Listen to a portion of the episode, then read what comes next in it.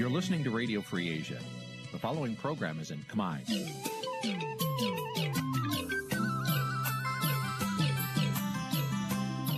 នេះជាកម្មវិធីផ្សាយ Vuthu Azizi Serai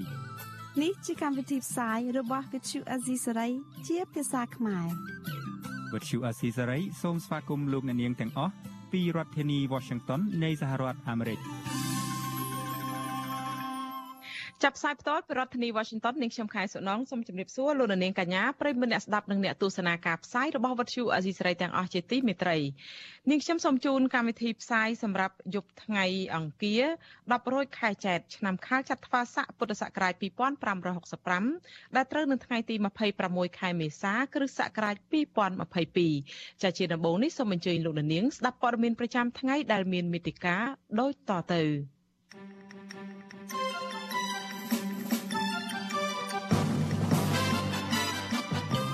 អញ្ញាធររារាំងនឹងដកហូតកង់របស់ក្រមយុវជនមិនឲ្យជិះធ្វើយុទ្ធនាការរំលឹកខួប10ឆ្នាំនៃឃាតកម្មលោកឈុតវុធីលោកហ៊ុនសែនណែនាំឲ្យពលរដ្ឋដែលនៅទីសាធារណៈទូទាំងប្រទេសមិនចាំបាច់ពាក់ម៉ាស់នោះទេអញ្ញាធរក្រុងភ្នំពេញបន្តសម្លុតក្រុមកោតកោ Nagawal មិនឲ្យទៀមទារកដំណោះស្រាយពីថៅកែបនលបែង ចានីតិវេទិកាអ្នកស្ដាប់បទសុអាស៊ីសេរីនីរាត្រីនេះយើងនឹងពិភាក្សាអំពីខួប10ឆ្នាំនៃឃាតកម្មលើវីរៈជនការពារប្រៃឈើលោកឈុតវុធីរួមនឹងព័ត៌មានផ្សេងផ្សេងមួយចំនួនទៀតចាជាបន្តទៅនេះនាងខ្ញុំខែសុណងសូមជូនព័ត៌មានទាំងនេះពិស្ដាចាលោកនាងជាទីមេត្រីអង្គការសមាគម28ស្ថាប័នបានរួមគ្នាចេញលិខិតចំហមួយស្នើយ៉ាងទទូចដល់រដ្ឋាភិបាលលោកនាយករដ្ឋមន្ត្រីហ៊ុនសែនដោយជំរុញឲ្យក្រសួងពាក់ព័ន្ធ បើកការស៊ើបអង្កេតដោយឯករាជ្យដែលគួរឲ្យជឿជាក់និងម៉ត់ចត់ដើម្បីយកអ្នកពាក់ព័ន្ធទាំងអស់មកទទួលខុសត្រូវចំពោះការបាញ់សម្លាប់សកម្មជនព្រៃឈើដល់ល្បីឈ្មោះគឺលោកឈុតវុធីកាលពី10ឆ្នាំមុនសំណើនេះកើតមានឡើងក្រោយពីពួកគេមើលឃើញពីភាពមិនប្រក្រតីជុំវិញរបាយការណ៍ស្រាវជ្រាវនិងស៊ើបអង្កេតរបស់សមត្ថកិច្ចកន្លងមក ដែលមិនអាចជឿជាក់និងមិនផ្ដល់យុត្តិធម៌ពេញលេញដល់ជនរងគ្រោះនិងក្រុមគ្រួសារនៅថ្ងៃនេះដែរអាជ្ញាធរបានរៀបរៀងមិនអោយក្រុមយុវជនជិះកង់ធ្វើយុទ្ធនាការដើម្បីរំលឹកចំខួប10ឆ្នាំនៃឃាតកម្មលោកឈុតវុធីនោះទេចាលោកនាងនឹងបានស្ដាប់សេចក្តីរាយការណ៍នេះពឹស្ដានៅក្នុងការផ្សាយរបស់យើងនៅពេលបន្តិចទៀតនេះ thank you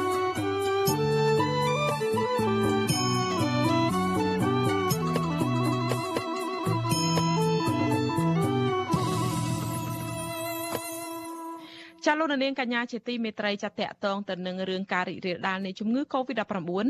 ចាបើលោកនាងស្ថិតនៅទីសាធារណៈចង់ពាក់ម៉ាក់ ពាក់ម៉ាស់ឬមិនពាក់ម៉ាស់គឺជាសិទ្ធិសម្រេចរបស់លោកអ្នកនាងចានេះគឺជាការណែនាំរបស់លោកនាយករដ្ឋមន្ត្រីហ៊ុនសែន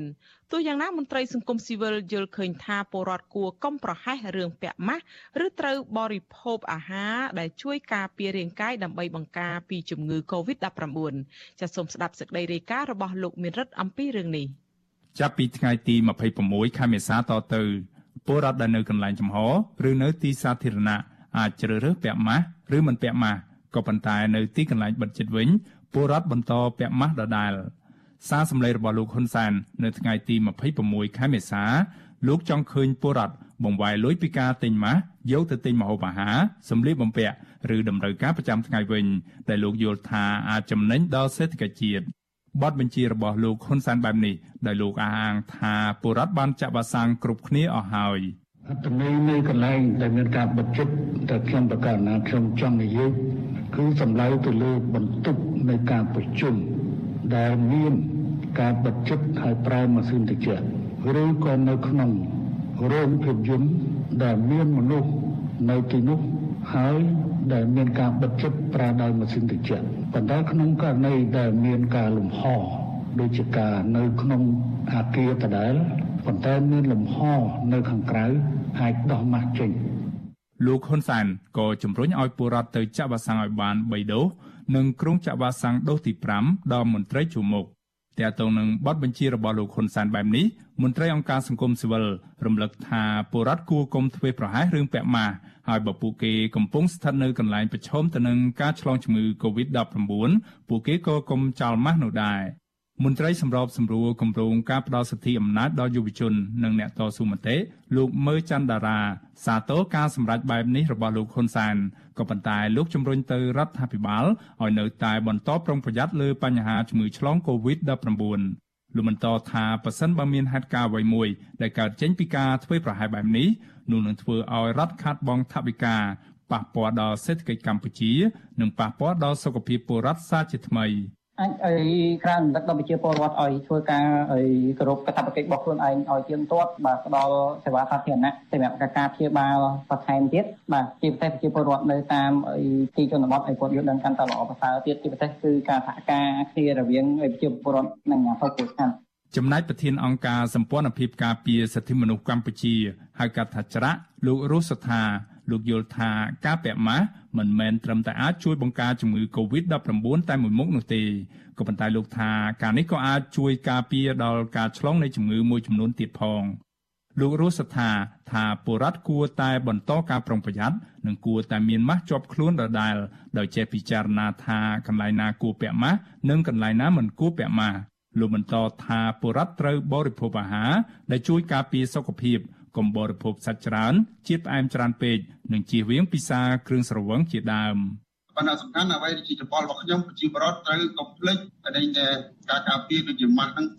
យើងត្រូវមើលទៅតាមកលក្ខណៈយើងកុំកុំប្រហែសណាម៉ាស់ហ្នឹងវាមិនមែនគ្រាន់តែការពារមេរោគទេវាការពារទូលីការពារអរិញមេរោគជាផ្សេងទៀតដែរណាការដែលមេដឹកនាំរដ្ឋាភិបាលឯកបៈមិនតម្រូវឲ្យពលរដ្ឋពាក់ម៉ាស់នៅទីសាធារណៈនៅពេលនេះ គឺការមានឡើងក្រោយពេលដែលរដ្ឋាភិបាលបានអនុញ្ញាតឲ្យពលរដ្ឋខេត្តរតនគិរីមណ្ឌលគិរី ស្ទឹងត្រែងនិងខេត្តព្រះវិហារមិនតម្រូវឲ្យពាក់ម៉ាស់កាលពីថ្ងៃទី10ខែមេសាកន្លងទៅ ហើយក៏មិនមានការឆ្លងជំងឺ Covid-19 ទ្រង់ទ្រាយធំក្រោយពិធីបុណ្យចូលឆ្នាំខ្មែរ ទោះជាមានការប្រកាសមិនតម្រូវឲ្យពលរដ្ឋពាក់ម៉ាស់នៅទីសាធារណៈនេះពេលនេះក្តីក៏លោកហ៊ុនសែនរំលឹកថាប៉ះសិនបើកម្ពុជា និងសកលលោកជួបនៅហានិភ័យនៃការផ្ទុះឡើងជាថ្មីទៀតនៃជំងឺឆ្លង Covid-19 នោះរដ្ឋាភិបាលរបស់លោកនឹងតម្រូវឲ្យពលរដ្ឋពាក់ម៉ាស់ឡើងវិញឬក៏ចេញវិធានការណែនាំថ្មីខ្ញុំបានមេរិត Visual C ស្រីរាយការណ៍ពីរដ្ឋធានី Washington ចាលោកនាងកញ្ញាជាទីមេត្រីចាស្របពេលដែលលោកនាយករដ្ឋមន្ត្រីហ៊ុនសែនប្រកាសឲ្យឈប់ពាក់ម៉ាស់នេះក្រសួងសុខាភិបាលនៅថ្ងៃនេះរកឃើញអ្នកឆ្លងជំងឺ Covid-19 ចំនួន2ករណីថ្មីទៀតដែលសុទ្ធតែជាវីរុសបំផ្លែងថ្មីអូមីក្រុងឆ្លងចូលទៅក្នុងសហគមន៍ទាំងអស់ចាគិតត្រឹមព្រឹកថ្ងៃទី26ខែមេសានេះកម្ពុជា មានអ្នកកើតជំងឺ Covid-19 ជាង136,000នាក់ក្នុងនោះអ្នកជាសះស្បើយមានជិត133,000នាក់ ចានឹងអ្នកស្លាប់មានចំនួន3056នាក់ចំពោះការចាក់វ៉ាក់សាំងបង្ការជំងឺ Covid-19 វិញក្រសួងសុខាភិបាលប្រកាសថាគិតត្រឹមថ្ងៃទី25ខែមេសាម្សិលមិញរដ្ឋាភិបាលចាក់ជូនពលរដ្ឋដែលមានអាយុចាប់ពី3ឆ្នាំឡើងបានជាង14លាន8សែននាក់សម្រាប់ដូសទី1រីឯដូសទី2ចាក់បានជាង14លាន1សែន5ម៉ឺននាក់ និងដូសទី3និងដូសទី4រដ្ឋាភិបាលចាក់ជូនពលរដ្ឋបានជាង9លាន7សែននាក់ចាជាមួយគ្នានេះអាជ្ញាធរខេត្តមួយចំនួននៅតែបន្តសម្រុកចាក់វ៉ាក់សាំងដូសជំរុញដល់ប្រជាពលរដ្ឋនៅតាមមូលដ្ឋានដដែល។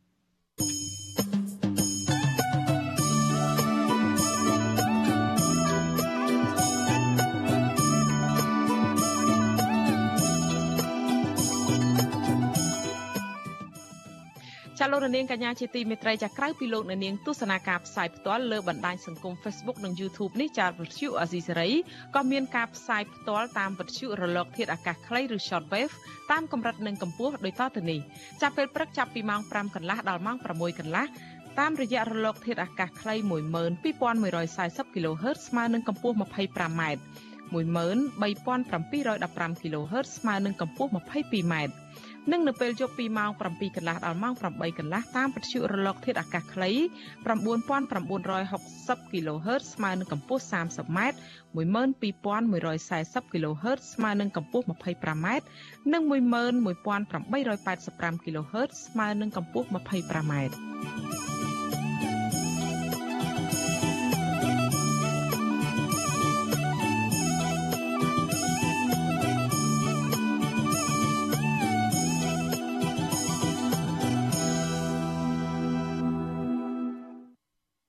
លោករនាងកញ្ញាជាទីមេត្រីចាតកតងទៅនឹងរឿងការប្រពខួបអឺ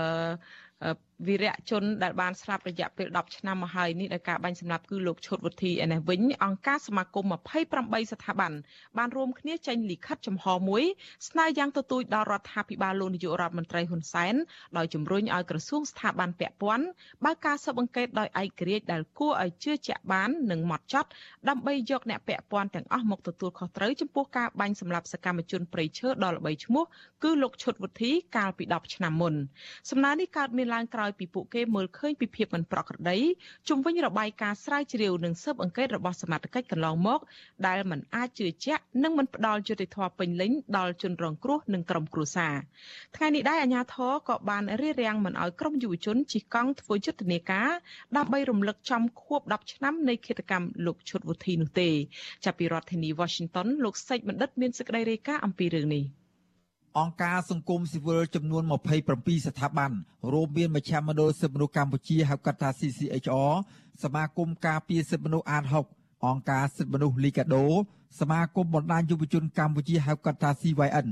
រួមទាំងអង្គការសមាគមនិងសហគមន៍មួយចំនួនទៀត បានរួមគ្នាចេញលិខិតចំហមួយដោយជំរុញឲ្យរដ្ឋាភិបាល និងក្រសួងស្ថាប័នមានសមត្ថកិច្ចស៊ើបអង្កេតឯករាជ្យនិងប្រកបដោយតម្លាភាពនិងយុត្តិធម៌លើគិតកម្មវរៈជនការពីប្រៃឈើលោកឈុតវុធីមន្ត្រីអង្គការសង្គមស៊ីវិលទាំងនោះ បានយកលិខិតនោះទៅដាក់នៅក្រសួងមហាផ្ទៃនិងក្រសួងយុទ្ធភ័ពរួចហើយនៅរសៀលថ្ងៃទី26ខែមេសា មន្ត្រីជាន់ខ្ពស់ផ្នែកតស៊ូមតិគម្រោងការពីប្រៃឈើនៃសមាគមបណ្ដាញយុវជនកម្ពុជាហៅកាត់ថា CYN លោកសាន់ម៉ាឡាប្រាប់បទសុអាស៊ីសេរីថាមូលហេតុនៃការដាក់លិខិតទៅក្រសួងពាក់ព័ន្ធទាំងនេះដោយសារក្រុមអង្គការសង្គមស៊ីវិលមើលឃើញថាអស់រយៈពេល10ឆ្នាំកន្លងផុតទៅហើយពន្លឺយុទ្ធធរសម្រាប់លោកឈុតវិធី និងក្រុមគ្រួសារពុំទាន់ទទួលបានពេញលេញនៅឡើយទេលោកបន្តថា ការស៊ើបអង្កេតកន្លងមក មានភាពមិនប្រក្រតីជាច្រើន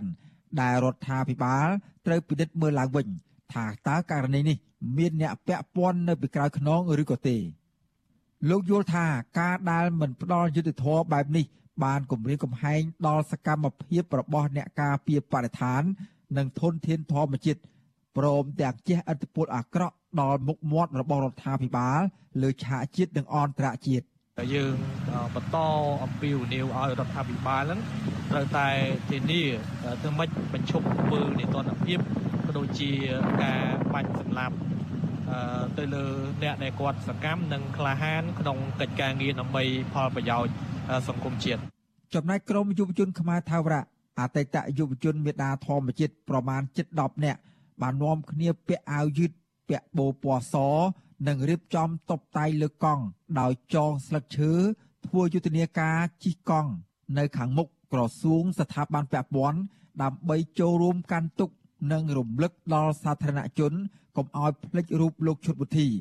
ដែលលះបង់អាយុជីវិតការពារប្រឈើក៏ប៉ុន្តែក្រមយុវជនទាំងនោះត្រូវបានសមត្ថកិច្ចជាច្រើនអ្នករាំងខ្ទប់នៅខាងមុខសួនច្បារមុខវត្តបទុមដីមិនឲ្យធ្វើយុទ្ធនាការនោះទេ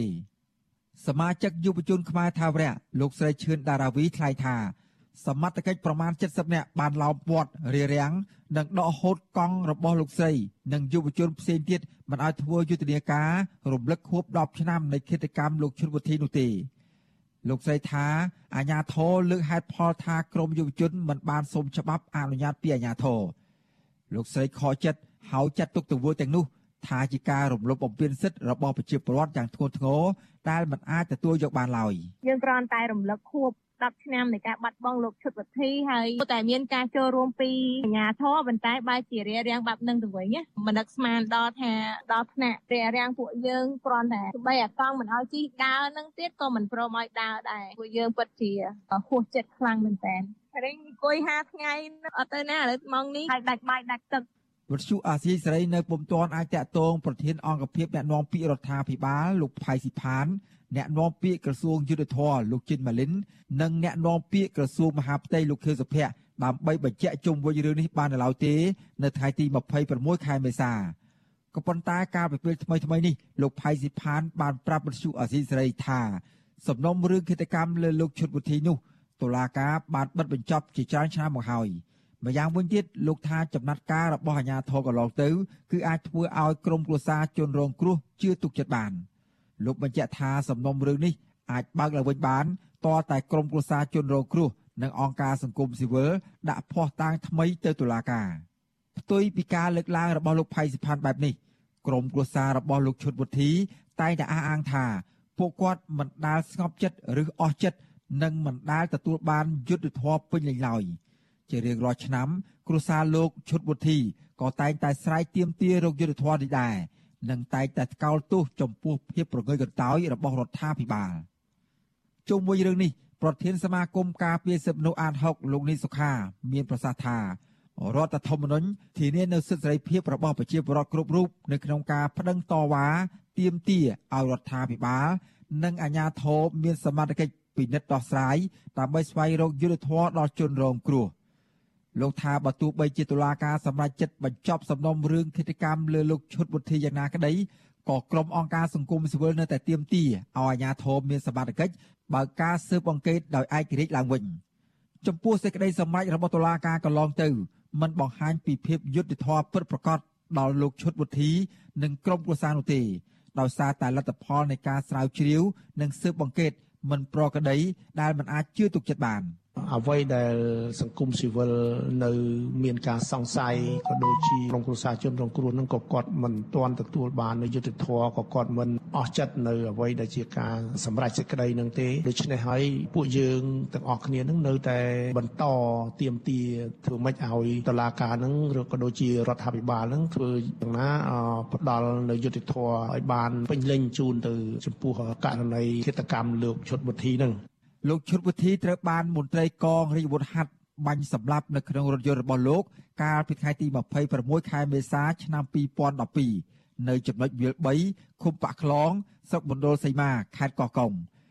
ហេតុការណ៍បាញ់សម្លាប់នេះ បានកើតឡើងនៅក្នុងពេលលោកនិងអ្នកកាសែតពីររូបបានចូលទៅស៊ើបអង្កេតនិងថតរូបភាពគំនរឈើរបស់ក្រុមហ៊ុនកាប់ឈើ Timber Green នៅក្នុងទឹកដីខេត្តកោះកុង។ ម្ចាស់ភាគហ៊ុនធំរបស់ក្រុមហ៊ុនរកស៊ីកាប់ឈើមួយនេះគឺអ្នកស្រីខៀវសស៊ីលៀបនិងឈ្មោះម្នាក់ទៀតមានងារជាអង្គញានិងជាមន្ត្រីយោធាជាន់ខ្ពស់ផងនោះ គឺលោកហ៊ូហាប់ដែលគេដឹងថាអ្នកទាំងពីរនេះមានទំនាក់ទំនងជិតស្និទ្ធជាមួយនឹងគ្រួសារលោកនាយករដ្ឋមន្ត្រីហ៊ុនសែនក្រោយមកក៏មានការចោទប្រកាន់ថា អ្នកស្រីខៀវសស៊ីលៀប ក៏ជាអ្នកឈរឈ្មោះតំណាងឲ្យអ្នកស្រីហ៊ុនម៉ាណា ដែលជាកូនស្រីរបស់លោកហ៊ុនសែននៅក្នុងក្រុមហ៊ុន Timber Green នោះទៀតផងក្រុមអង្គការសង្គមស៊ីវិលរំពឹងថារដ្ឋាភិបាល និងស្ថាប័នពាក់ព័ន្ធទាំងអស់នឹងបន្តធ្វើការស៊ើបអង្កេតដោយឯករាជ្យឲ្យបានឆាប់រហ័សនិងយកចិត្តទុកដាក់លើករណីបាញ់សម្លាប់សកម្មជនការពារព្រៃឈើនិងធនធានធម្មជាតិគឺលោកឈុតវុធី និងបញ្ឈប់ការរឹតបន្តឹងសិទ្ធិសេរីភាពជាមូលដ្ឋានរបស់ប្រជាពលរដ្ឋយុវជន និងអ្នកការពារធនធានធម្មជាតិដើម្បីឲ្យពួកគេ បានចូលរួមការពារព្រៃឈើទាំងនោះយ៉ាងសកម្មជាមួយនឹងអាជ្ញាធរខ្ញុំបាទសេកបណ្ឌិតវិទ្យុអាស៊ីសេរីពីរដ្ឋធានីវ៉ាស៊ីនតោន ចាលោករនាងកញ្ញាជាទីមេត្រីចាតកតងទៅនឹងសេចក្តីរាយការណ៍របស់លោកសេចបណ្ឌិតនេះដែរចាយើងមានសម្ភារបន្ថែមបន្តិចពីប្រធានសមាគមសម្ព័ន្ធនិស្សិតបញ្ញវន្តខ្មែរគឺលោកកើតសរាយដែលលោកបានទៅដាក់ញត្តិនៅថ្ងៃនេះនៅក្រសួងទាំងពីរចាជំរាបសួរលោកកើតសរាយពីចម្ងាយចាបាទជំរាបសួរបងស្រីខែសំណងនិងជំរាបសួរជនរួមជាតិគ្រប់គ្នាផងបាទ ចាលោកកើតសរាយគឺជាប្រធានសមាគមនិស្សិតបញ្ញវន្តខ្មែរហើយលោកបានចូលរួមនៅក្នុងការធ្វើញត្តិអីជាមួយខាងអង្គការស្ថាប័នពាក់ព័ន្ធសង្គមស៊ីវិលនិងយុវជនអីហ្នឹងយកញត្តិទៅដាក់នៅថ្ងៃនេះជាមួយខាងក្រសួងទៅដាក់ទៅក្រសួងយុតិធធហើយនិងក្រសួងមហាផ្ទៃហើយសេចក្តីរាយការណ៍ហ្នឹងថាលោកបានដាក់នឹងខាងក្រសួងទាំងពីរហ្នឹងបានទទួលយកហើយតើលោកកើតសរាយនៅពេលដែលញត្តិអីយកទៅអញ្ចឹងមិនមានការរៀបរៀងអីដូចសពដងតែញត្តិក៏អាជ្ញាធរពាក់ព័ន្ធមិនយកផងប៉ុន្តែលើកនេះយកហើយទទួលយកទៅតើបានចម្លើយមកវិញបែបណាដែរនៅពេលដែលគេចេញមកទទួលញត្តិនឹងចា៎បាទអរគុណនៅពេលដែលយើងដាក់ញត្តិហ្នឹងមន្ត្រីរដ្ឋបាលគេចេញមកដើម្បីទទួលញត្តិលិខិតយើងហៅថាលិខិតជំហរ ដែលក្នុងនោះយើងមានអង្គការសមាគមរួមទាំងសហគមន៍ហ្នឹងគឺជាង30ដែលយើងបានគ្រប់គ្រងទៅលើលិខិតសំផហ្នឹងហើយអឺមកដល់ពេលនេះមិនទាន់មានការឆ្លើយតបអីជាលក្ខណៈទៀមភ្លាមទេប៉ុន្តែខាងក្រសួងយុតិធធមន្ត្រីរដ្ឋបាលដែលចេញមកទទួលលិខិតចំហរបស់ពួកយើងហ្នឹងគឺគាត់ថាគាត់នឹងបញ្ជូននៅលិខិតនេះឲ្យបានទៅដល់ដៃឯកឧត្តមរដ្ឋមន្ត្រី ដើម្បីគាត់យកទៅពិនិត្យពិចារណាតែទោះយ៉ាងណាក៏ដោយអឺខ្ញុំនៅតែមើលឃើញថារឿងប្រព័ន្ធយុតិធធនៅស្រុកខ្មែររបស់យើងវាប្រៀបដូចជារឿងមួយដែលដែលយើងនិយាយហើយយើងមានអារម្មណ៍ថាដូចសោកស្ដាយសោកស្ដាយហើយសោកស្ដាយទៀតដែលយើងវាសឹងតែគ្មានសង្ឃឹមថា នឹងទទួលបាននៅយុត្តិធម៌ទេប៉ុន្តែទោះជាយ៉ាងណាក៏ដោយក៏យើងនៅតែសង្ឃឹមថាក្នុងនាមជាជាតិសាសន៍ខ្មែរជនជាតិខ្មែរដូចគ្នាដែលមានឈាមចូលជាពូជខ្មែរតែមួយនៅពេលនេះមនុស្សម្នាក់ដែលលះបង់សម្រាប់ធនធានធម្មជាតិលះបង់ទាំងក្តីសុខរបស់ខ្លួនឯងហ្នឹងហើយត្រូវបានគេសម្លាប់ហើយមន្ត្រីនៃក្រសួងយុតិធធម៌ជាពិសេសរដ្ឋមន្ត្រី នៃក្រសួងយុតិធធម៌ហ្នឹងនៅតែមិនអើពើទៀតខ្ញុំគិតថា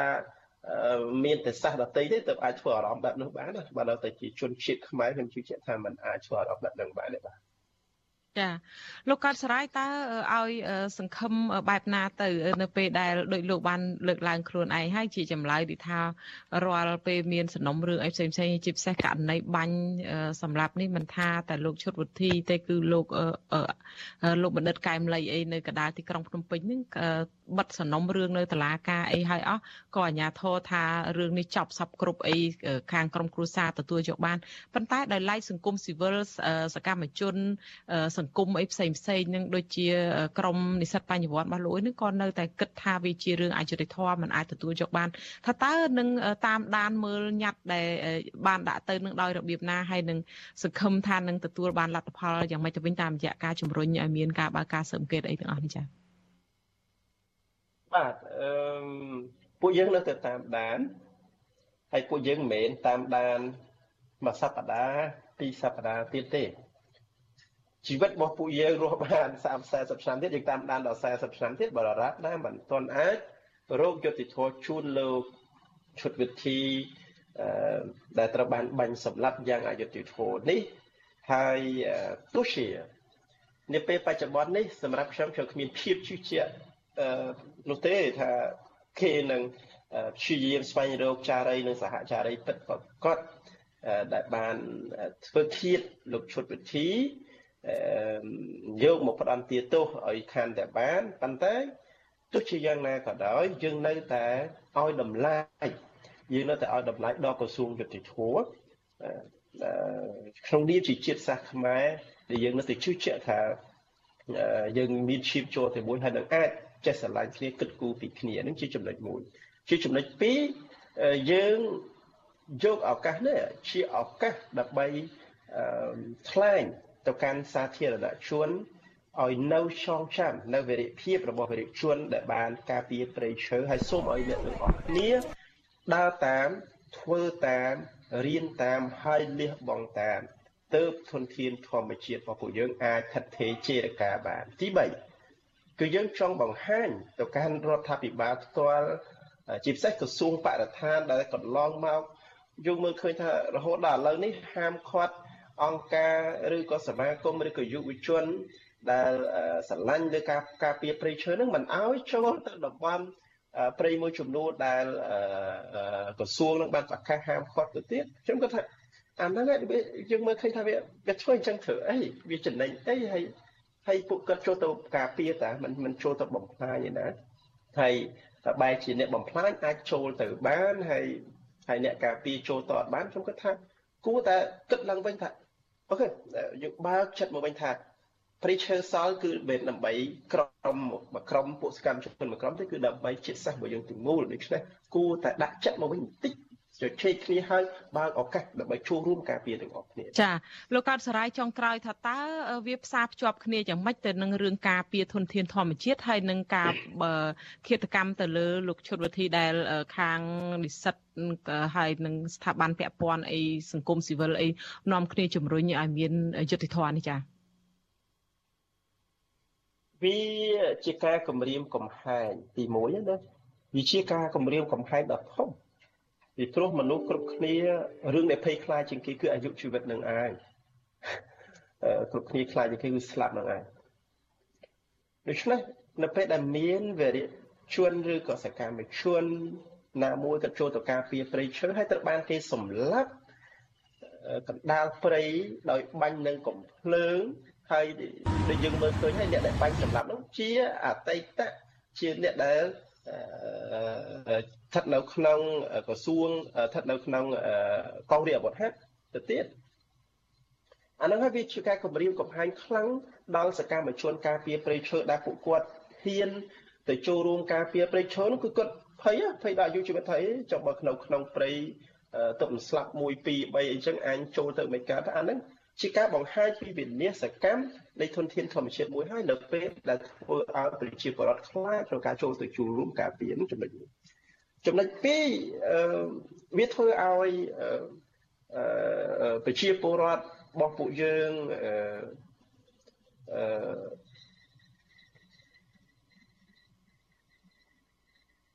ចាសុំសុំជើញបន្តចាខ្ញុំនៅលឺទេចាបាទបាទបាទ ទីពីរគឺវាធ្វើឲ្យប្រជាពលរដ្ឋរបស់យើងនឹងគឺអស់អស់ចំណឿចិត្តនិងអស់ទំនុកចិត្តលើច្បាប់ណាព្រោះអាយុជីវិតរបស់ប្រជាពលរដ្ឋរាល់ថ្ងៃគឺផ្ញើលើច្បាប់ទេបើអត់មានច្បាប់មនុស្សសម្លាប់គ្នារង្គាលគ្មានចេះខ្លាចចេះរអាទេដោយសារតែសំអាងមានច្បាប់មានទម្លាប់តែពួកគាត់អាចធានាដល់ការរស់នៅដែលមានក្តីសុខហើយបើសិនជាអង្គើនិតនភាពនៅតែបន្តបែបនេះខ្ញុំជឿជាក់ថាប្រជាពលរដ្ឋមិនអាចរស់នៅក្នុងសេចក្តីសុខ ដូចជាពាក្យដែលរងថ្ងៃថាសន្តិភាពបិទគ្រប់ទីគ្រប់កន្លែងនោះខ្ញុំគិតថាមិនមែនទេដរាបណាដែលមិនមានការរឹតបន្តឹងច្បាប់បានល្អប្រសើរដែលធ្វើឲ្យមានភាពកក់ក្ដៅដល់ផ្លូវចិត្តរបស់ប្រជាពលរដ្ឋចាអរគុណច្រើនលោកកើតសរាយហើយយើងនឹងចាំតាមដានមើលបន្តទៀតថាតើជាលទ្ធផល ទៅ ខាងក្រសួងដែលទទួលញត្តិហើយនឹងនឹងមានការឆ្លើយតបអីយ៉ាងម៉េចទៅទៀតចាសូមអរគុណលោកកើតសរាយប៉ុណ្ណេះសិនហើយសូមជំរាបលាលោកតាចា ចាលោករនាងកញ្ញាជាទីមេត្រីចាតកតងទៅនឹងរឿងសកម្មភាពរបស់ក្រមយុវជនទៀតដែរតកតងទៅនឹងខួបនៃការបាញ់សម្លាប់លោកឈុតវិធី10ឆ្នាំនេះគឺយើងក៏មានខាងយុវជនមួយក្រុមទៀតដែរគឺជាសមាជិកយុវជនខ្មែរថាវរៈចា គឺលោកស្រីឈឿនដារាវីដែលនឹងចូលមកអំពីយុទ្ធនាការរបស់ពួកគាត់ថ្ងៃនេះក្នុងការចូលរួមខួប10ឆ្នាំនៃគិតកម្មលោកឈុតវុធីនេះចាហើយឥឡូវយើងភ្ជាប់លោកស្រីដារាវីនឹងតាមប្រព័ន្ធវីដេអូ Skype ជំរាបសួររាវីពីចម្ងាយចាចាសូមជំរាបសួរចាជំរាបសួរទាំងអស់គ្នាមានសោមេតាសំណាង ចាហើយបងអូនម្នាក់ទៀតចា ចាចាចាអរគុណច្រើនឥឡូវនេះនៅនៅមុខវាំងនៅឡើយមិនអញ្ចឹងហ៎ចាឃើញរូបភាពចានៅមុខវាំងនៅឡើយទេចាចា អឺអ្វីដែលខ្ញុំចង់ផ្ដោតនៅថ្ងៃនេះនឹងឮថាក្រមយុវជនទាំងអស់ហ្នឹងនាំគ្នាធ្វើយុទ្ធនាការអីយកថ្ងៃខួបនៃការបាញ់សម្លាប់លោកឈុតវុធីនឹងជិះកង់ជិះអីប៉ុន្តែដោយសេចក្តីរាយការណ៍របស់លោកសីមនិតមុននឹងនឹងថាបានអាជ្ញាធររារាំងឲ្យចាប់កង់ចាប់អីយកដាក់ឡានអីទៅខណ្ឌដូនពេញអញ្ចឹងហើយយកទៅអស់ហើយតើតើឥឡូវហ្នឹងបានធ្វើអីខ្លះអំពីយុទ្ធនាការហ្នឹងបានន័យថាបរាជ័យហើយមិនអញ្ចឹងហ៎ចា៎ ចាมันអាចថាប្រាជ័យ100%ដែលថាការរៀបរៀងរបស់ពួកគេសម្បីតែពួកយើងសុំដើរគាត់ថាដើរទៅគឺដើរដែលពួកយើងចង់នោះគឺយកផ្កាឈូកទៅដាក់នៅក្រសួងបរិស្ថានហើយនឹងក្រសួងយុទ្ធភ័ពហើយយើងដោយសារមានការរៀបរៀងហ្នឹងក៏យើងកាត់បន្ថយថាឥឡូវពីទិសដៅដែលយើងចង់ទៅហ្នឹងមិនបានក៏បានដែរសុំតែទៅឲ្យធូបនៅបងដង្កាលតែ ក៏គេរារាំងពួកយើងថែមទៅទៀតហើយដូច្នេះអឺពួកយើងគិតថានឹងអង្គុយនៅមុខវត្តសួនមុខវត្តបតុមដើម្បីធ្វើការទៀមទាថាបើសិនជាមិនអោយពួកយើងអឺបន្តដំណើរទៅអុជធូបនៅប្រងដងកាយជាចុងក្រោយនឹងទេក៏ពួកយើងនៅមិនទៅណាដែរតែដោយសារតែมันមានការឆ្លើយតបពីពួកគេនៅតែមិនព្រមឲ្យពួកយើងទៅណាយើងគិតថានឹងអត់ញ៉ាំបាយហើយយើងនឹង នៅជុំគ្នារហូតដល់មានការអនុញ្ញាតឲ្យពួកយើងទៅអុជធូបនៅព្រះអង្គដង្ការប៉ុន្តែដោយសារចាំយូរហើយយើងគិតថាគួរតែមានការបត់បែនដើម្បីបានទៅអុជធូបនៅព្រះអង្គដង្ការក្នុងបំណងឧទ្ទិសថ្ងៃហ្នឹងគឺធូប10ឆ្នាំនៃការស្លាប់លោកឈុតវិធីដូច្នេះពួកយើងមានបំណងទៅអុជធូបនៅព្រះអង្គដង្ការម្ល៉េះហើយក៏ដោះអាវ ពួកយើងដែលមានការតុបតែងខ្លះខ្លះមានសឹកឈើមានអីតំណាងនៅព្រៃឈើស្រុកខ្មែរក៏យើងដោះចេញហើយអឺក៏សិភៈធម្មតាហ្នឹងទៅក៏គេអនុញ្ញាតឲ្យយើងហ្នឹងពួកខ្ញុំទាំងអស់គ្នានឹងអាចដើរទៅបានចាមិនឃើញមានកាមរារាំងអីទេអញ្ចឹងក៏ជោគជ័យមួយដែរដែលយើងបានទៅឲ្យធូបនៅព្រះអង្គដងការជួយជាស្ថាពរហើយដែរ ចាចាអរគុណច្រើនរាវីខ្ញុំឆ្ងល់បន្តិចក្រមយុវជនទាំងអស់ហ្នឹងប្រហែលជាមិនដល់10នាក់អីហេតុអីបានជាមិនអាចជិះកង់បាន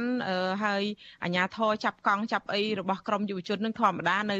តាមផ្លូវអ្នកដំណើរនៅតាមផ្លូវណាគេក៏ជិះកង់បានដែរហើយមួយវិញទៀតរឿងទៅអុចធូកនៅព្រះអង្គដង្ការនេះយើងឃើញហើយថានៅព្រះអង្គដង្ការនឹងផ្កាឈូកធូកទៀនហើយនឹងដូងខ្ចីដែលគេដាក់សែនដាក់អីនឹងបន់ស្រន់អីហ្នឹងគេលក់ដាច់ហើយគេអុចសែនហើយនឹងតង្គចាក់ធានៅខាងនេះបានន័យថាមនុស្សជាច្រើនបានទៅអុចធូបអុចអីចុះក្រុមយុវជនប្រហែលអ្នកហ្នឹងយ៉ាងនិយាយយ៉ាងម៉េចបានជាគេរៀបរៀងមិនឲ្យយើងចូលទៅធ្វើគ្រាន់តែពិធីបន់សាសនាហ្នឹងចា៎ ចារឿងនេះក៏ពួកយើងទាំងអស់គ្នាក៏ឆ្ងល់ខ្លាំងមែនទែនដែរហើយក៏ពោះចិត្តដែលរៀបរៀងពួកយើងគ្រាន់តែជិះកង់ចំនួន4 5កង់ដែលមានគ្នា5នាក់ជិះប៉ុណ្ណឹងហើយក៏រៀបរៀងមិនអោយជិះថាបង្កភាពវឹកវរអីទៅហើយតម្រូវតែពួកយើងនឹងសុំការញាតអឺឬក៏ជួនលំដឹងអីទៅទាំងដែលតាមច្បាប់យើងបានពិនិត្យមើលហើយគឺមិនមានខុសច្បាប់អីទេទាក់ទងនឹងការផ្សព្វផ្សាយ តកតងឲ្យមហាជនឆ្លាញ់ពីធនធានធម្មជាតិហើយក៏ជាតិក្នុងនោះគឺរំលឹកដល់លោកវិរៈភាពលោកឈុតវិធីដែលបានការពារព្រៃឈើស្រុកខ្មែរយើងរហូតដល់គាត់បាត់បង់ជីវិតទៅទៀតនោះហើយបែរជាមានការរារាំងអីបែបហ្នឹងគឺពួកយើងពិតជាសោកស្ដាយខ្លាំងមែនទែនចាចា ចាអឺសុំសុំជួបចង់បានឮពីសូមេតាវិញម្ដងមើលថាតើការដែលអាញាធររារាំងអញ្ចឹងតើប្អូនយល់ឃើញយ៉ាងម៉េចដែរគ្រាន់តែជិះកង់ជិះអីអត់បានទៅអុចធូអត់បានលើអាវហើយការតបតែងអីជាការតស៊ូមតិជុំវិញចង់ប្រផុសឲ្យសាធារណជនមើលឃើញរំលឹកថាថ្ងៃនឹងជាថ្ងៃខួប10ឆ្នាំនៃការបាញ់សម្លាប់លោកឈុតវិធីនៅកដាលព្រៃនឹងថាតើយល់ឃើញយ៉ាងម៉េចដែរចំពោះថ្ងៃនេះចា៎ ចាសូមជំរាបសួរបងសូមជំរាបសួរវិជាទូទាំងលោកអឺខ្ញុំយកឃើញថាអញ្ញាធរកំពុងតែផិតភ័យហើយក៏ព្យាយាមលុបបំបត្តិឈ្មោះវីរៈជនរបស់ពលរដ្ឋខ្មែរហើយគេមិនមានឆន្ទៈក្នុងការរកយុទ្ធធម៌ជូនប្រជាពលរដ្ឋខ្មែរទេជាពិសេសហ្នឹងគឺរកយុទ្ធធម៌ជូនលោកឈុតបុទ្ធីនិងក្រុមគូសាលោកគេភ័យខ្លាចនឹងស្រមោលរបស់ វីរៈជនពួកយើងអញ្ចឹងគេព្យាយាមលុបបំបាត់មិនឲ្យយុវជនរំលឹកឈ្មោះគាត់មិនឲ្យយុវជនហ្នឹងបង្ហាញពីសកម្មភាពការស្រឡាញ់ធនធានធម្មជាតិទេខ្លាចក្នុងការរើបំរាស់ខ្លាចយុវជនខ្លាចប្រជាពលរដ្ឋហ្នឹងរំលឹកឡើងវិញមានការរើបំរាស់មានការសាររើរឿងហ្នឹងមកវិញអញ្ចឹងរាជរដ្ឋាភិបាលនិងអាជ្ញាធរកំពុងតែផិតភ័យអញ្ចឹងគេព្យាយាមបិទគ្រប់រូបភាពមិនឲ្យមានករណីណាកើតឡើងទៀត ចាចាអញ្ចឹងមកដល់ម៉ោងនេះនៅអត់បាយអត់ទឹកអីហ្នឹងហើយនៅអង្គុយនឹងដល់ម៉ោងប្រហែលទៅហើយចុះរឿងកង់រឿងអីហ្នឹងទៅតាមយកកង់ពីខណ្ឌអីមកវិញអីយ៉ាងម៉េចដែរបងអូនចាចាបងកង់ហ្នឹងគឺគេបានបកគលឲ្យពួកខ្ញុំពេញហើយអូចាពួកខ្ញុំអង្គុយស្មឹងស្មាតនឹងរងចាំទៅអុជធូបនៅព្រះអង្គដងកៅហើយពួកខ្ញុំបានមុននឹងបន្តិចបានហូប គាត់គ្រប់សេចហើយម្នាក់មួយម៉ាត់ពីរម៉ាត់ដោយសារញ័រខ្លួនញ័រសាច់ពេកទាំងអស់គ្នាដោយសារយើងហត់តាំងពីពីថ្ងៃមកត្រូវក្តៅត្រូវខ្យល់ហើយអត់បានញ៉ាំអីតាំងពីព្រឹកគ្រប់គ្នានៅកន្លែងទៅរៀបចំតុបតែងឆ្នៃម៉ូដអីចឹងចាចាជាចុងក្រោយតើអឺងាកទៅរាវីវិញថាតើនឹងធ្វើអីផ្សេងទៀតសំណាងក៏បានដែរបើសិនជាចង់និយាយថាតើចង់មានការយល់ឃើញយ៉ាងម៉េចនៅពេលដែលយើងចូលរួមសកម្មភាពសង្គមហើយចង់រំលឹកលើរឿងការបាញ់សម្លាប់អីចង់ឲ្យមានយុត្តិធម៌មានអីនេះហើយអាជ្ញាធររារាំងគ្រាន់តែជាសកម្មភាពរបស់ក្រមយុវជនអីមកអញ្ចឹងជាការរំលឹកខួបអី10ឆ្នាំអីចឹងហើយមានការរារាំងអញ្ចឹងតើតើបងអូនយល់ឃើញយ៉ាងម៉េចដែរចាហើយនឹងគួរតែចូលរួមអីទៀតទេឬក៏មានទឹកចិត្តអីយ៉ាងម៉េចដែរចាបាទជំរាបសួរបងស្រីណាចាជំរាបសួរដល់បងប្អូនវិជាពលរដ្ឋទាំងអស់គ្នាផងដែរហើយខ្ញុំថ្ងៃនេះគឺមានការសោកស្ដាយខ្លាំងមែនទែនដែលខាងអាជ្ញាធរបានធាត់កង់របស់យើងដែលយើងយកមកធ្វើយុទ្ធនាការនេះអញ្ចឹងគាត់តែចោទប្រកាន់ថាពួកយើងបានបង្កអសន្តិសុខសង្គម នឹងឲ្យសួរថាអសន្តិសុខសង្គមត្រង់ណាបើថាយើងមិនទាន់បានធ្វើចេញជាសកម្មភាពផងគាត់ខ្វាត់បាត់ទៅហើយតើសកម្មភាពមួយណាដែលគាត់គិតថាពួកយើងនេះគឺជាក្រមបំពោសង្គមនឹងឲ្យគាត់បានលើកឡើងមកអញ្ចឹងហើយពួកខ្ញុំនេះក៏បានប្រាប់ទៅកាន់អាជ្ញាធរថាថ្ងៃនេះពួកខ្ញុំជាយុវជនចូលរួមរំលឹកខួប10ឆ្នាំរបស់លោកពូឈុតទីគឺជាសកម្មជនការពារប្រៃឈើអញ្ចឹងរូបគាត់គឺជាវរៈបរោះសម្រាប់ពួកខ្ញុំគឺជាយុវ ជនទាំងអស់គ្នាដោយសារមើលឃើញពីភាពក្លាហានអង្អាចគាត់ហ៊ានលះបង់សូម្បីតែអាយុជីវិតបាទអញ្ចឹងយើងទៅមើលទៅទៅមើលពីទឹកចិត្តរបស់គាត់សួរថាគាត់មានកូនមានកូនក៏ហ៊ានលះបង់ទាំងអាយុជីវិតដើម្បីការពារធនធានធម្មជាតិទាំងអស់នេះហើយទៅធ្វើឲ្យក្រុមយុវជនពួកខ្ញុំនេះគិតថាគាត់គឺជាវីរបុរសរបស់ពួកខ្ញុំតែដោយឡែកខាងអាជ្ញាធរក៏គាត់បានលើកឡើងថា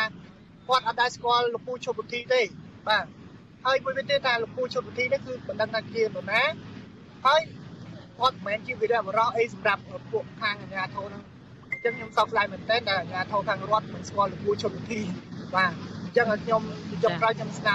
ដល់រដ្ឋាភិបាលក៏ដូចជាអាជ្ញាធរពាក់ព័ន្ធទាំងអស់សូមចូលរួម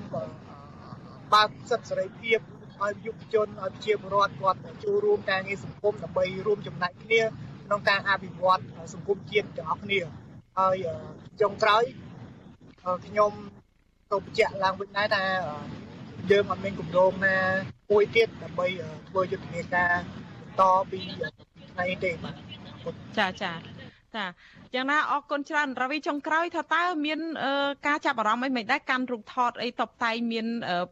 ដាក់អីស្លឹកឈើស្លឹកអីហ្នឹងមានសាធារណជនឬក៏វិជាពលរដ្ឋណាឬយុវជនអីគេមកសួរនាំមកចាប់អារម្មណ៍អីទេចា ចាទទឹមនៅពេលដែលយើងមិនស្មានអង្គុយមកកន្លែងនៅមុខវត្តបតុមហ្នឹងក៏តែគាត់ដើរកាត់ហាត់ប្រាណអីហ្នឹងក៏គាត់មើលហើយក៏ឆ្ងល់ហ្នឹងក៏គាត់មកសួរដែរថាតើធ្វើអីគេហើយរូបហ្នឹងអីចឹងណាក៏យើងបានពន្យល់ថាគាត់លោកឈុតវិធីជាអ្នកណាអ្នកណាហើយអ្វីដែលយើងធ្វើនេះអញ្ចឹងហើយក៏គាត់គ្រប់គ្រងពួកយើងហើយ ហើយអ្វីដែលហួសចិត្តហ្នឹងខ្ញុំសូមត្រឡប់ត្រឡប់ទៅក្រោយបន្តិចដោយសារអាញាធរហ្នឹងគាត់អត់និយាយពីច្បាប់គឺគាត់អត់យល់ថាគាត់ជាបុគ្គលសាធារណៈទៅទៀតនៅពេលដែលពួកយើងថតគាត់គាត់ថាយើងថតហើយហើយដល់ពេលដែលយើងប្រាប់ថាអត់មានសិទ្ធិត្រូវថតរូបខ្ញុំទេហើយនឹងជារូបភាពនៃការគម្រាមកំហែងអីសាប់សាប់ទៅគាត់គាត់បើប្រតិកម្មនឹងពួកយើងថានិយាយខុសអីចឹងហេតុអីគាត់មានសិទ្ធិថតហេតុអីយើងថតគាត់ ហើយយើងគាត់ថាយើងទេតែមិនគួរថតគាត់អីចឹងណាតែតាគឺអឺរាល់មន្ត្រីដែលគាត់ទទួលបានប្រាក់ខែគឺស្មើនឹងអឺជាអ្នកបម្រើរបស់រដ្ឋរបស់ពលរដ្ឋប៉ុន្តែគាត់បែរជាថាយើងនឹងបំពេញគាត់ទៅវិញចានេះជារឿងដែលពួកខ្ញុំพูดតែហើយនឹងមានការប្រើពាក្យសម្ដីមិនសមរម្យហើយអ្វីដែលយើងលើកដំកើងលោកឈុតវិធីជាវបរោះរបស់យើងហ្នឹងក៏គាត់មើងងាយ អឺប្រមាថទៅថែមទៅទៀតហើយដូច្នេះគឺពួកយើងសោកស្ដាយខ្លាំងតែឃើញថាអាញាធរគាត់មិនមិនយល់ដឹងហើយគាត់ប្រមាថអ្នកដែលយើងមើលឃើញថាគាត់បានការពារលះបង់ដើម្បីផលប្រយោជន៍ជាតិយើងហើយគាត់អត់បានដឹងឮអត់បានស្គាល់បែបហ្នឹងចាចាចាចាអរគុណច្រើនអឺប្អូនថាម៉េចរាវីសូមបន្តថាម៉េចមិញចាសូម អញ្ជើញចាជាក្រោយក៏ចង់សំណូមពរដល់អាជ្ញាធរគួរតែនឹងទូនាទីរបស់ខ្លួនជាជាងមករៀបរៀងរដ្ឋបတ်សិទ្ធិសេរីភាពរបស់ពលរដ្ឋក្នុងការដែលឈឺឆ្អៅសង្គមជាតិបែបហ្នឹងចាខ្ញុំអរគុណច្រើនចាចាចាសូមជើញសូមជើញចាខ្ញុំត្រូវខ្ញុំចង់ផ្ញើសារ រៀបរាប់ដល់វិបាលនិងក្រសួងពាក់ព័ន្ធគួរតែមានឆន្ទៈនៅក្នុងការរកយុត្តិធម៌ជូនពុទ្ធវិធីនិងក្រុមគ្រួសារគាត់ព្រោះគាត់ជាអ្នកដែលលះបង់ធំធេងសម្រាប់ជាតិរបស់យើងអញ្ចឹងគួរតែតបស្នងនៅយុត្តិធម៌ជូនគាត់រកជុំដៃដល់ទោះបីជាបុគ្គលនោះមានអំណាចកម្រិតណាអ្នកនៅពីក្រៅខ្នងហ្នឹងមានលុយមានសាក់ប្រមាណក៏ដោយទៅតែចាប់គាត់ដាក់គុកឲ្យបានចាអរគុណបង ចាអរគុណច្រើនបងអូនទាំង4ដែលបានចំណាយពេលមានតម្លៃចូលរួមក្នុងការផ្សាយរបស់យើងនៅពេលនេះចាជំរាបលាសុខសប្បាយចាទាំងអស់គ្នាចា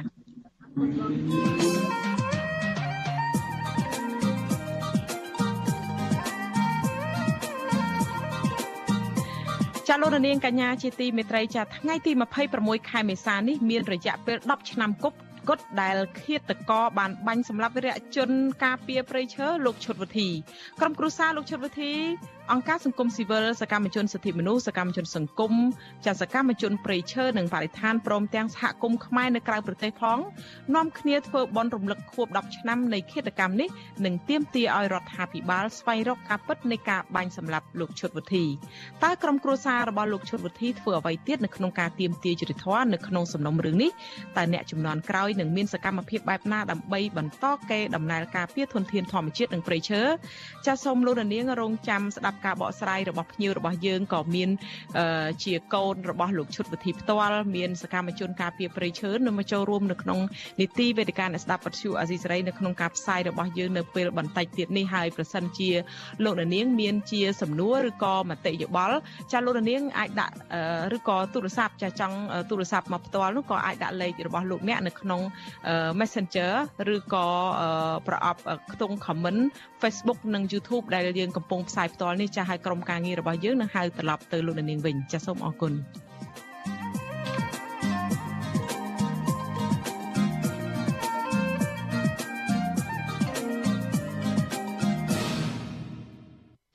ចាលោកនាងកញ្ញាជាទីមេត្រីចាតកតងទៅនឹងវិវាទការងាររបស់ក្រុមហ៊ុន Casino Nagavel ឯនេះវិញអាញាធរចម្រុះរបស់រដ្ឋាភិបាលលោកហ៊ុនសែនបានឡោមព័ទ្ធគៀងកកោតតកគៀងកោតតក Nagavel ជាង100នាក់ ទាំងកណ្ដាលភ្លៀងនិងស្រែកសម្លុតឲ្យកោតតកឡើងរថយន្តក្នុងពេលដែលពួកគាត់បានព្យាយាមឈរនៅក្បែរអគារក្រុមហ៊ុនដើម្បីទាមទារដំណោះស្រាយពីថៅកែនៅក្នុងថ្ងៃទី26ខែមេសានេះ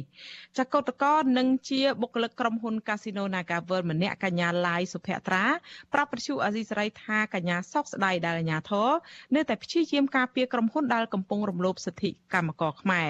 កញ្ញារិះគន់ចំណាត់ការរបស់អាញាធរដែលដឹកកោតក្រទៅទម្លាក់នៅតំបន់ជាយទីក្រុងភ្នំពេញស្ទើររៀងរាល់ថ្ងៃនេះថាគ្រាន់តែជាលេសកិច្ចវេះពីការដោះស្រាយបញ្ចប់បញ្ហាតែប៉ុណ្ណោះ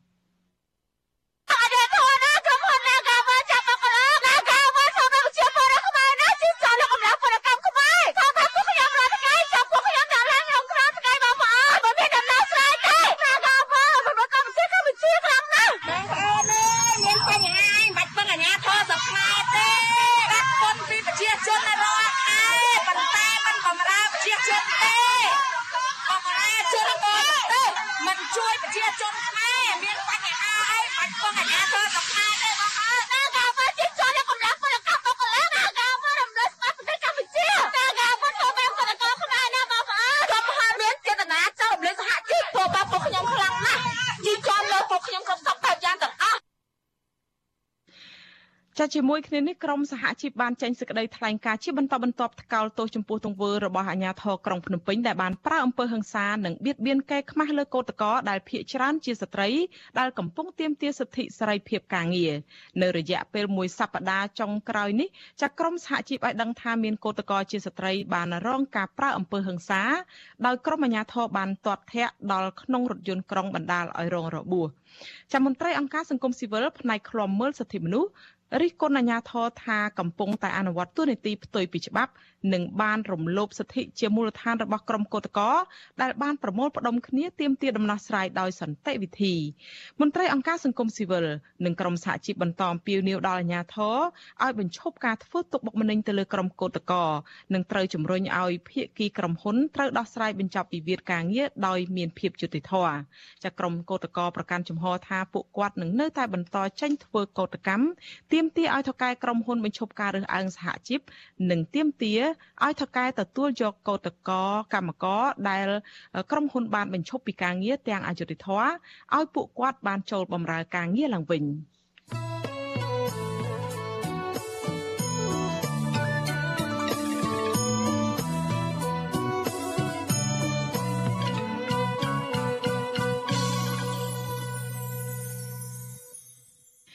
ចាលោករនាងកញ្ញាជាទីមេត្រីចាតកតងទៅនឹងរឿងដាច់ដោយឡែកមួយទៀតមន្ត្រីអង្គការសង្គមស៊ីវិលចង់ឃើញតុលាការចេញដីកាឲ្យស្ថាប័នគណៈឲ្យស្ថាបនិកគណៈបកបេះដូងជាតិគឺលោកសៀមភ្លុកចូលខ្លួនបំភ្លឺនិងលុបចោលដីកាបង្គាប់ខ្លួនលើអ្នកនយោបាយរូបនេះចាការលើកឡើងបែបនេះគឺនៅពេលដែលដីកាបង្គាប់ឲ្យនាំខ្លួនលោកសៀមភ្លុកត្រូវផុតកំណត់កាលពីថ្ងៃទី25ខែមេសាកន្លងម្សិលមិញនេះដោយតុលាការអាចនឹងចេញដីកាថ្មីទៀតចាប់ពីរដ្ឋធានី Washington លោកទីនសាការីយ៉ារាយការណ៍ព័ត៌មាននេះមន្ត្រីសិទ្ធិមនុស្សយល់ថាសំណុំរឿងស្ថាបនិកគណៈបកបដងជាតិគឺលោកសៀមភ្លុកតឡាការគួរពិនិត្យឡើងវិញចំពោះនៃការនាំខ្លួនលោកសៀមភ្លុកដែលធ្វើឲ្យលោកមានការភ័យខ្លាចមិនហ៊ានទៅជល់បំភ្លឺនៅតឡាការអ្នកនាំពាក្យសមាគមការពារសិទ្ធិមនុស្សអាត់ហុកលោកសង្សានករណាយល់ថាតាមនីតិវិធីនៅពេលដែលការបង្កប់ឲ្យនាំខ្លួនលោកសៀមភ្លុកត្រូវផុតកំណត់កាលពីថ្ងៃទី25មេសាកន្លងទៅតុលាការអាចចេញដីកាថ្មី លោកសង្សានករណាសង្កេតឃើញថាស្ថាបនិកគណៈបកបដងជាតិលោកសៀមភ្លុកនៅតែមានឆន្ទៈក្នុងការជួលបំភ្លឺនៅតុលាការដូច្នេះលោកថាតុលាការគួរបង្កបរិយាកាសឲ្យធូរស្រាលជាងនេះដោយប្រែដីកាបង្កប់ឲ្យនាំខ្លួនមកជាដីកាឲ្យជួលបំភ្លឺវិញ។ ការច្បាប់វាតតែអ្នកណាមានទោសវាតតែមានសវនាការឬក៏សារក្រមចូលស្ថាពរហើយបានកំណត់ថាជាជនមានទោសអញ្ចឹងនៅក្នុងដំណើរនីតិវិធីបែបនេះយើងចង់ឃើញឲ្យភាគីពាក់ព័ន្ធទាំងអស់ជាពិសេសសម័យខ្លួននឹងអាចចូលបំភ្លឺនៅអ្វីដែលជាការចោទប្រកាន់នឹង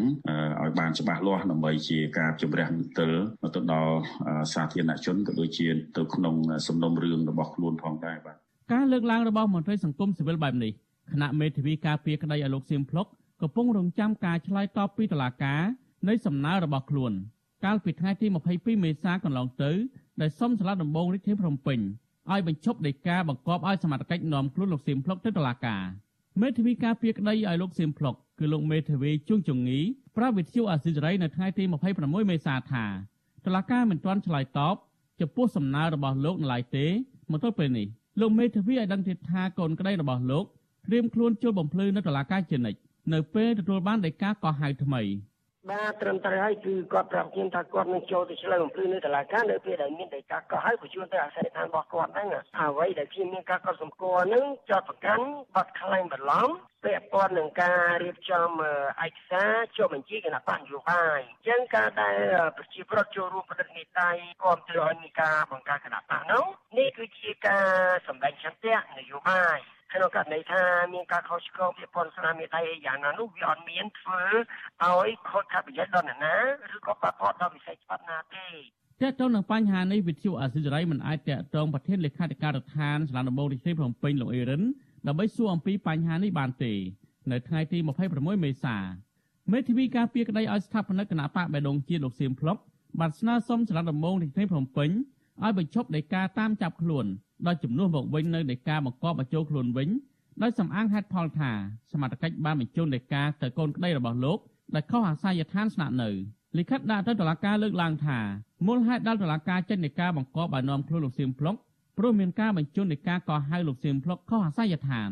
ស្ថាបនិកគណៈបកបេដងជាលោកសៀមភ្លុកត្រូវបានក្រសួងមហាផ្ទៃបដិសេធមិនព្រមចុះបញ្ជីឲ្យគណៈបករបស់លោក និងប្តឹងលោកទៅតុលាការពីបទចោទក្លែងបន្លំនិងប្រើប្រាស់លិខិតក្លែងក្នុងការបង្កើតគណៈបកបេដងជាតិកាលពីឆ្នាំ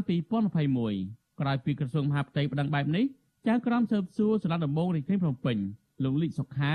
បានចេញដីកាបង្គាប់ឲ្យនាំខ្លួនលោកសៀមផ្លុកប្រកុលជូនសាលាដំបងរាជធានីភ្នំពេញឲ្យបានមុនថ្ងៃទី25មេសាជំវិញនឹងរឿងនេះនាយវិភាននយោបាយដែលកំពុងតែភៀសខ្លួននៅប្រទេសហ្វាំងឡង់លោកកឹមសុខសង្កេតឃើញថាករណីនេះជារឿងនយោបាយ មិនមែនជាការអនុវត្តច្បាប់នោះឡើយលោកបន្តថានៅពេលគណៈបកកណ្ដាលអំណាចមើលឃើញថាគណៈបកបេដងជាតិឬគណៈបកនយោបាយណាមួយមានបំណងប្រឆាំងឬទស្សនៈនយោបាយមិនស្របនឹងគណៈបកកណ្ដាលអំណាចគឺគណៈបកនេះត្រូវលោកហ៊ុនសែនបាត់គប់មិនឲ្យធ្វើសកម្មភាពនយោបាយបានឡើយក្នុងការធ្វើចលនាប្រឆាំងទោះបីតាមរយៈបកនយោបាយឬសង្គមស៊ីវិលពីព្រោះក្តីបារម្ភរបស់គាត់ បើកាលណាមានចលនាប្រឆាំងនឹងគាត់ដោយស្របច្បាប់ពេលនោះប្រជាពលរដ្ឋគ្រប់គ្រងហើយចូលរួមលោកហ៊ុនសែនគាត់ដឹងថាប្របាក់ទុកខ្លាំងណាស់ម្ល៉េះហើយគាត់ខ្ទប់ពីចរន្តតូចតូចឲ្យហើយមេធាវីការពារក្តីឲ្យលោកសៀមភ្លុកលោកជុងជងីរិះគន់ថាក្រសួងមហាផ្ទៃមានការប្រកាន់និងចាប់ទោសអស់ដំណើរលើលោកសៀមភ្លុកខ្លាំងពេកហើយលោកថាករណីចុះបញ្ជីគណៈបញ្ញយោបាយក្រសួងតម្រូវឲ្យមានស្នាមមេដាយគាំទ្រចំនួន4000នាក់ លោកបន្តថាស្នាមមេដាយដែលគាំទ្រគណៈបកបដងជាតិមានជាង4000ស្នាមមេដាយហើយក្នុងនោះមានស្នាមមេដាយដែលមានកំហុសជាង200ប៉ុន្តែលោកថាទោះជាដកស្នាមមេដាយដែលមានបញ្ហាទៅនោះចេញក៏គណៈបកនេះនៅតែមានស្នាមមេដាយគ្រប់គ្រាន់ក្នុងការចុះបញ្ជីដែរតែផ្ទុយទៅវិញក្រសួងមហាផ្ទៃបែរជាមិនចុះបញ្ជីឲ្យហើយថែមទាំងប្តឹងលោកសៀមភ្លុកដែលជាស្ថាបនិកគណៈបកបដងជាតិទៅតុលាការថែមទៀតខ្ញុំធីនសាការីយ៉ាអស៊ីសេរីប្រធានីវ៉ាស៊ីនតោន ចាលោករនាងកញ្ញាជាទីមេត្រីចាលោករនាងទៅបានស្ដាប់ព័ត៌មានប្រចាំថ្ងៃដែលជម្រាបជូនដល់នាងខ្ញុំខែសុណងចាសូមលោករនាងរងចាំស្ដាប់នេតិវិទ្យានៃស្ដាប់ពទ្យុអាស៊ីសេរីនៅពេលបន្តិចទៀតនេះ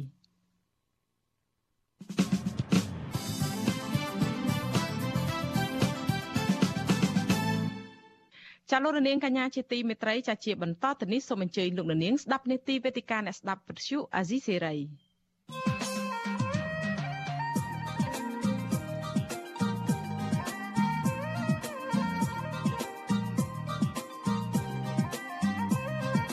វេទិកាអ្នកស្ដាប់វិទ្យុ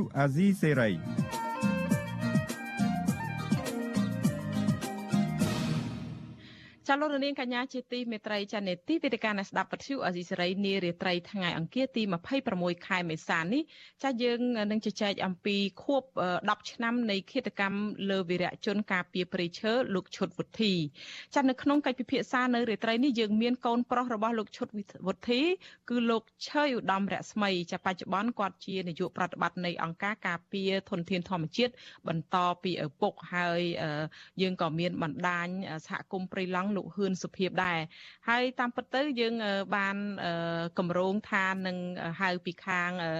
ប្រធានសមាគមប្រធានមជ្ឈមណ្ឌលសិទ្ធិមនុស្សកម្ពុជាអ្នកស្រីចាក់សុភាពដែរប៉ុន្តែឥឡូវនេះដោយសារតែគាត់មានរវល់មានធុរៈចាប្រហែលជា ចាមានធុរៈហើយគាត់បានប្រាប់មកថាគាត់មិនអាចចូលរួមបានចាហើយសោកស្ដាយដែរនៅការដែល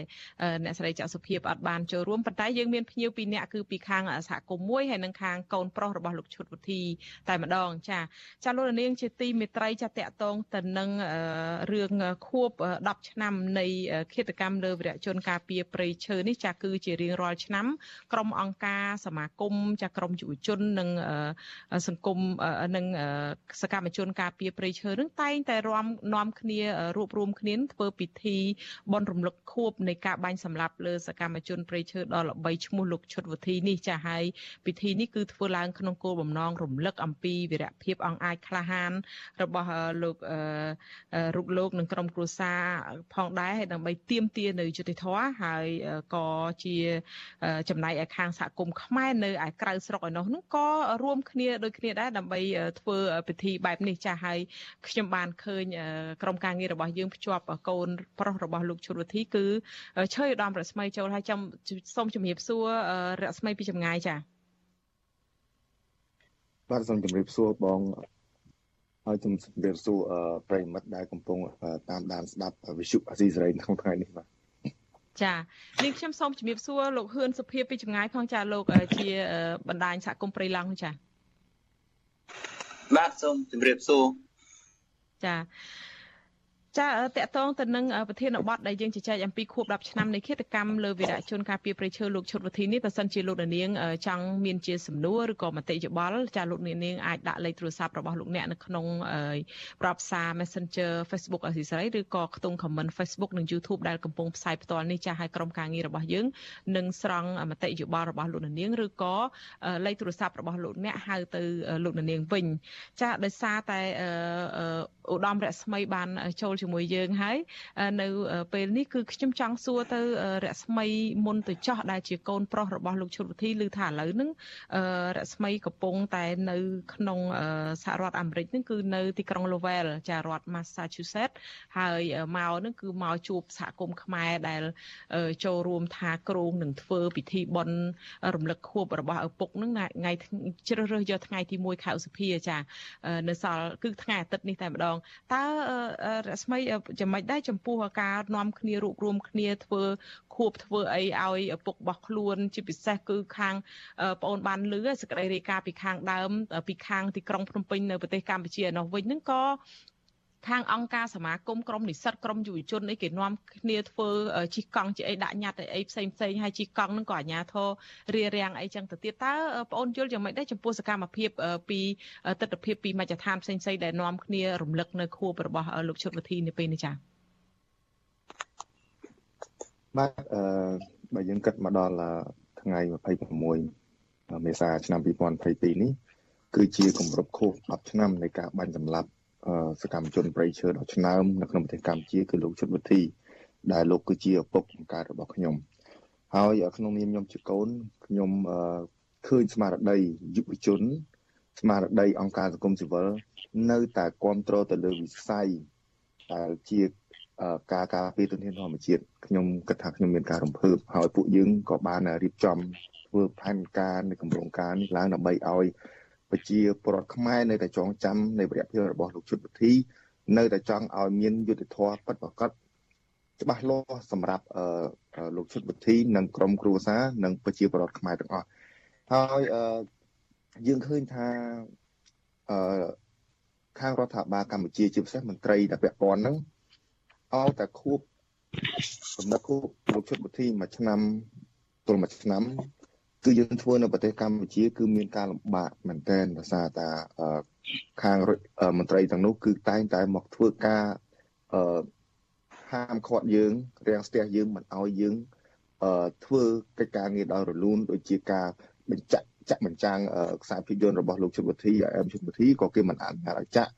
ហើយប្រហែលឆ្នាំមុនពួកយើងក៏បានធ្វើបន់នៅក្នុងព្រៃឡង់នោះក៏គេមិនឲ្យចូលទៅក្នុងព្រៃទៅទៀត